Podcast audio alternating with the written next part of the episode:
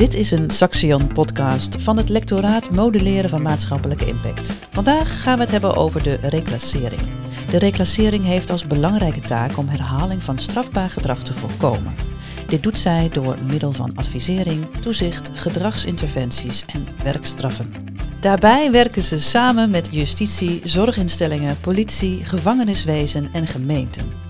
Vandaag gaat Michel Lindenbank in gesprek met Attila Nemet over de baten voor de maatschappij van het werk van de reclassering. Welkom Attila. We gaan vandaag met elkaar in gesprek over de baten. En we hebben het eerder een keertje gehad over de waarde van reclasseren. En wat nu de waarde van reclasseren is, hè, dat kwamen we toen in het gesprek een beetje achter, dat voor elke euro die je investeert, levert uh, ongeveer de samenleving 2 euro op. En toen hebben we dan een klein beetje over de baten gehad. En we gaan nu vandaag met elkaar in gesprek wat nou precies die baten zijn. dat is de eerste vraag ook, wat zijn dan die baten die eronder liggen? Nou, ik denk dat uh, misschien om te beginnen is het interessant om uh, eigenlijk een beetje bij de kern van reclasseren te blijven.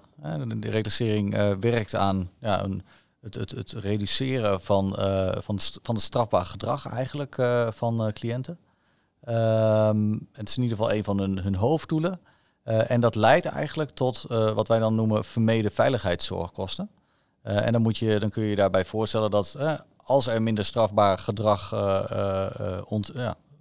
gedaan wordt, kun je dat eigenlijk, heeft dat een zekere waarde. En dan kun je denken dat in een normale situatie worden er kosten gemaakt voor bijvoorbeeld preventie. als, als er een delict wordt gepleegd, uh, dan uh, uh, kun je je voorstellen dat daar kosten voor opsporing bij komen kijken, voor vervolging. Er komen kosten voor berechting, maar ook bijvoorbeeld ten uitvoerlegging. Um, en tes, tenslotte heb je ook nog bijvoorbeeld kosten rondom de ondersteuning van zowel dader als, als slachtoffers. en, en, en ook nog wat kosten rondom de schade die mogelijk wordt veroorzaakt. Dus je hebt heel veel verschillende vormen van kosten die ontstaan op het moment dat iemand ja, strafbaar gedrag laat zien. Um, en op het moment dat je dus minder strafbaar gedrag hebt, ja, levert dat een waarde op in het verlengde van de veiligheidszorgkosten. Dus als ik het samen mag vatten, door de inzet van reclassering wordt uh, strafbaar gedrag verminderd en dat levert eigenlijk minder veiligheidskosten op. Ja, maatschappelijk gezien uh, kun je dat uh, zo stellen. En dat levert ook nog, ja, de, de omvang daarvan is, blijkt ook nog behoorlijk groot te zijn. en dat heeft dus ja, een hele mooie bijdrage aan waar je net mee begon met je eerste vraag. En dat zijn de veiligheidszorgkosten, maar zijn er nog meer baten? Uh, ja, nou, naast de veiligheidszorgkosten kun je bijvoorbeeld ook denken aan uh, baten op het vlak van uh, participatie. Ehm, daarbij, ja, je kunt je al voorstellen dat eh, mensen in meer of mindere mate bijdragen aan de maatschappij. dat kan bijvoorbeeld zijn via vrijwilligerswerk of via werk, hè, gewoon het hebben van een baan. En op het moment dat mensen ander gedrag gaan laten zien en bijvoorbeeld inderdaad ja, actief worden in vrijwilligerswerk of, of misschien zelfs een, een baan gaan vinden, uh, dan leidt dat tot ja, een bijdrage aan de maatschappij. En dat is een, een maatschappelijk effect. en wat dan nog achter zit, is bijvoorbeeld ook nog een aspect als doordat iemand wordt gemotiveerd om bijvoorbeeld een opleiding te volgen, wordt bijvoorbeeld de kans dat hij dus een baan vindt groter. Maar eigenlijk gedurende de rest van zijn of haar leven is het ook nog denkbaar dat, dat, dat iemands kwaliteit van het geleverde werk groter wordt. Simpelweg omdat je meer onderwijs hebt gevolgd. dus er zitten ook nog wat andere laagjes in die ook op de lange termijn echt wel serieuze maatschappelijke effecten kunnen hebben. Dus als, als ik het goed begrijp, is een baat voor de samenleving om te zorgen dat cliënten van de reclassering meer gaan participeren in die samenleving. En dan participeren mag je dan vertalen naar meer werk, en misschien door opleiding of vrijwilligerswerk. Exact. En, uh, en misschien nog in aanvulling daarop uh, hebben we ook nog uh, ja, de zogenaamde werkstraffen die de reclassering uitvoert. Als je dat ook ziet als een vorm van, van participeren, want in, de, in principe lever je dan ook een bijdrage aan, aan de maatschappij. dan zou je dat ook nog als, als paad kunnen zien onder deze, deze noemer. En, en aangezien het om heel erg veel uren, gewerkte uren per jaar gaat, um, ja, betekent dat ook nog echt iets serieus voor de, voor de maatschappij. Oké, en heb je ook nog baten rond bijvoorbeeld nou ja, vermeden schade of zo door uh, voorkomen delicten? Ja, vanuit uh, het, het, het, strafbaar gedrag, als dat, als dat minder wordt, dan heb je ook minder kosten aan, uh, ja, aan schade die wordt veroorzaakt. En dan moet je denken aan ja, de schade aan eigendommen zelf. maar je kunt ook nog denken aan bijvoorbeeld de afhandelingskosten van, van die schade. Dus even heel plat gezegd, uh, dat de verzekeringsmaatschappijen uh, maken uren om iets netjes op te lossen.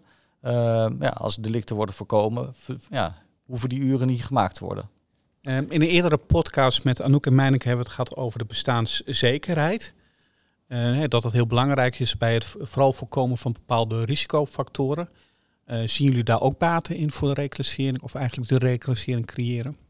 Uh, ja, dan, uh, dan hebben we het eigenlijk uh, volgens mij onder andere over hè, wat we net noemden, de baten rond participatie. Als, je, als je werk, als je een, een, baan krijgt, dan gaat dat helpen in je, in je bestaanszekerheid. maar we zien het ook rond schulden. Dus um, we zien ook dat de reclassering in beperkte mate een, een, een, een, maatschappelijk effect heeft ten aanzien van het ja, vermeden schuldenproblematiek. Uh, en dan moet je, kun je je voorstellen dat bijvoorbeeld mensen, uh, uh, ja, dat voorkomen wordt dat mensen in een schuldsaneringstraject komen te zitten of worden geholpen op een, op een andere wijze met hun, hun schuldenproblematiek. en dat kan ook weer bijvoorbeeld tot consequentie hebben dat ehm, er minder kosten voor bijvoorbeeld huisuitzettingen hoeven te worden, hoeven te worden gemaakt.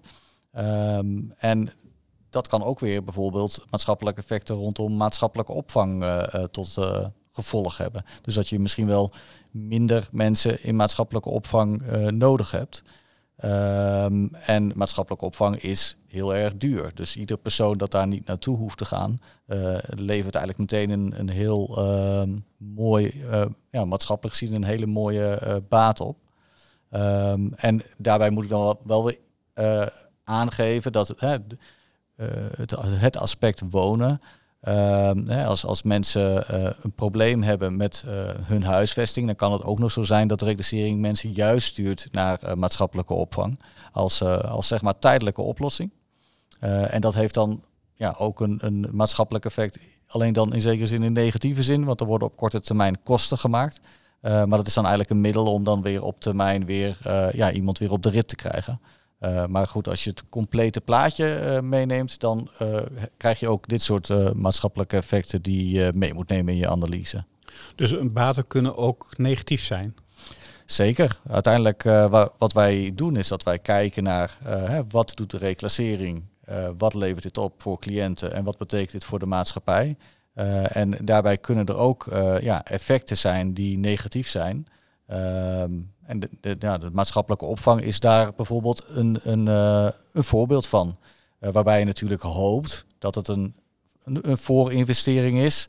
En dat je dus op termijn of, onder, of en onderaan de streep eigenlijk uh, positief uitkomt. En hoe zit het dan met gezondheidszorgkosten? Nou, gezondheidszorgkosten is ook wel een hele mooie in het verlengde hiervan. Omdat bij gezondheidskosten kun je je voorstellen dat je op korte termijn misschien wel juist meer kosten maakt, omdat mensen misschien eerder doorgestuurd worden, omdat de problemen worden aangepakt. Nou, dan kun je je voorstellen dat dat eigenlijk op korte termijn de maatschappij geld kost. Uh, maar ja, we verwachten wel dat dan op lange termijn er juist weer misschien uh, gezondheidskosten worden vermeden. Uh, omdat problemen niet escaleren, problemen niet onnodig groot worden.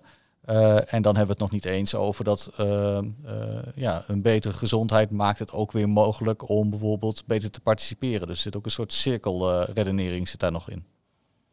Dus die baten kunnen ook met elkaar samenhangen, dat is wat je zegt.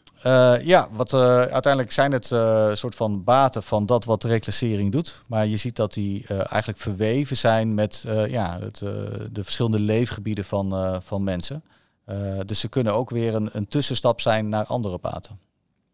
En zijn er ook baten die, want je, alles wat je nu opnoemt is echt heel bijna direct aan werkzaamheden van de reclassering uh, te koppelen. Zijn er nu ook baten die indirect aan het werk van de reclassering te koppelen zijn? Uh, ja, nou uiteindelijk uh, hebben we nog een, een, een, wat abstractere baat en dat is eigenlijk het aspect uh, vertrouwen. En dan gaat het eigenlijk specifiek over het vertrouwen in het rechtssysteem. Ehm, en de gedachte is dat de reclassering levert een bijdrage aan ehm, vormt eigenlijk een onderdeel van het rechtssysteem. Ehm, en doordat wij een, een, systeem hebben waar, wat een zekere mate van vertrouwen heeft, draagt dat bij aan vertrouwen in, in onze maatschappij. En wat, wat blijkt uit de literatuur is dat hoe meer vertrouwen er is in de maatschappij, hoe, hoe meer economische groei je hebt. Ehm, dus ja, in zekere zin, ook al is het misschien maar een klein stukje van economische groei, draagt de reclassering als, als organisatie, als structuur bij aan, aan, aan onze economische groei. Dus vertrouwen is eigenlijk heel belangrijk. Vertrouwen is een, voor zover wij kunnen al zien, is het een, een zeer relevant aspect. Ondanks dat hij wel wat on, misschien wat ongrijpbaar is. Maar hij is wel heel erg belangrijk. Oké, en dit zijn ongeveer de baten. Zijn er nog baten die we vergeten? Nou, dat is ook nog wel, daar zien we ook nog wel potentie in. Nou, wat we, wat we nog niet hebben genoemd en wat we zelf ook nog wel lastig vinden om echt te kwantificeren. Dat is het, het aspect van wat vinden wij het nou waard dat cliënten van de reclassering een verbetering hebben ten aanzien van de kwaliteit van hun leven. Uh, en als je het helemaal doorredeneert en ook weer kijkt naar voorkomen strafbaar gedrag, dan heb je het eigenlijk ook nog over kwaliteit van leven van sl vermeden slachtoffers, van mensen die eigenlijk geen slachtoffer zijn geworden.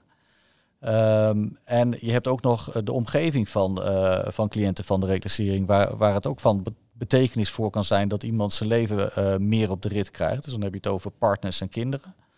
Um, en de vraag is even van wat vinden wij het nou als maatschappij waard dat, dat mensen gewoon een betere kwaliteit van leven uh, ervaren. En dat, is een, dat is een vrij abstracte baat.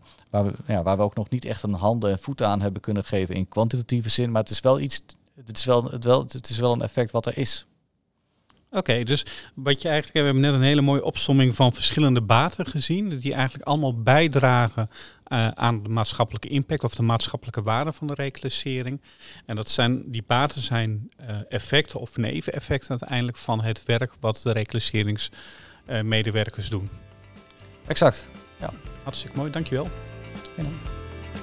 Dit was een Saxion podcast van het lectoraat Modelleren van maatschappelijke impact.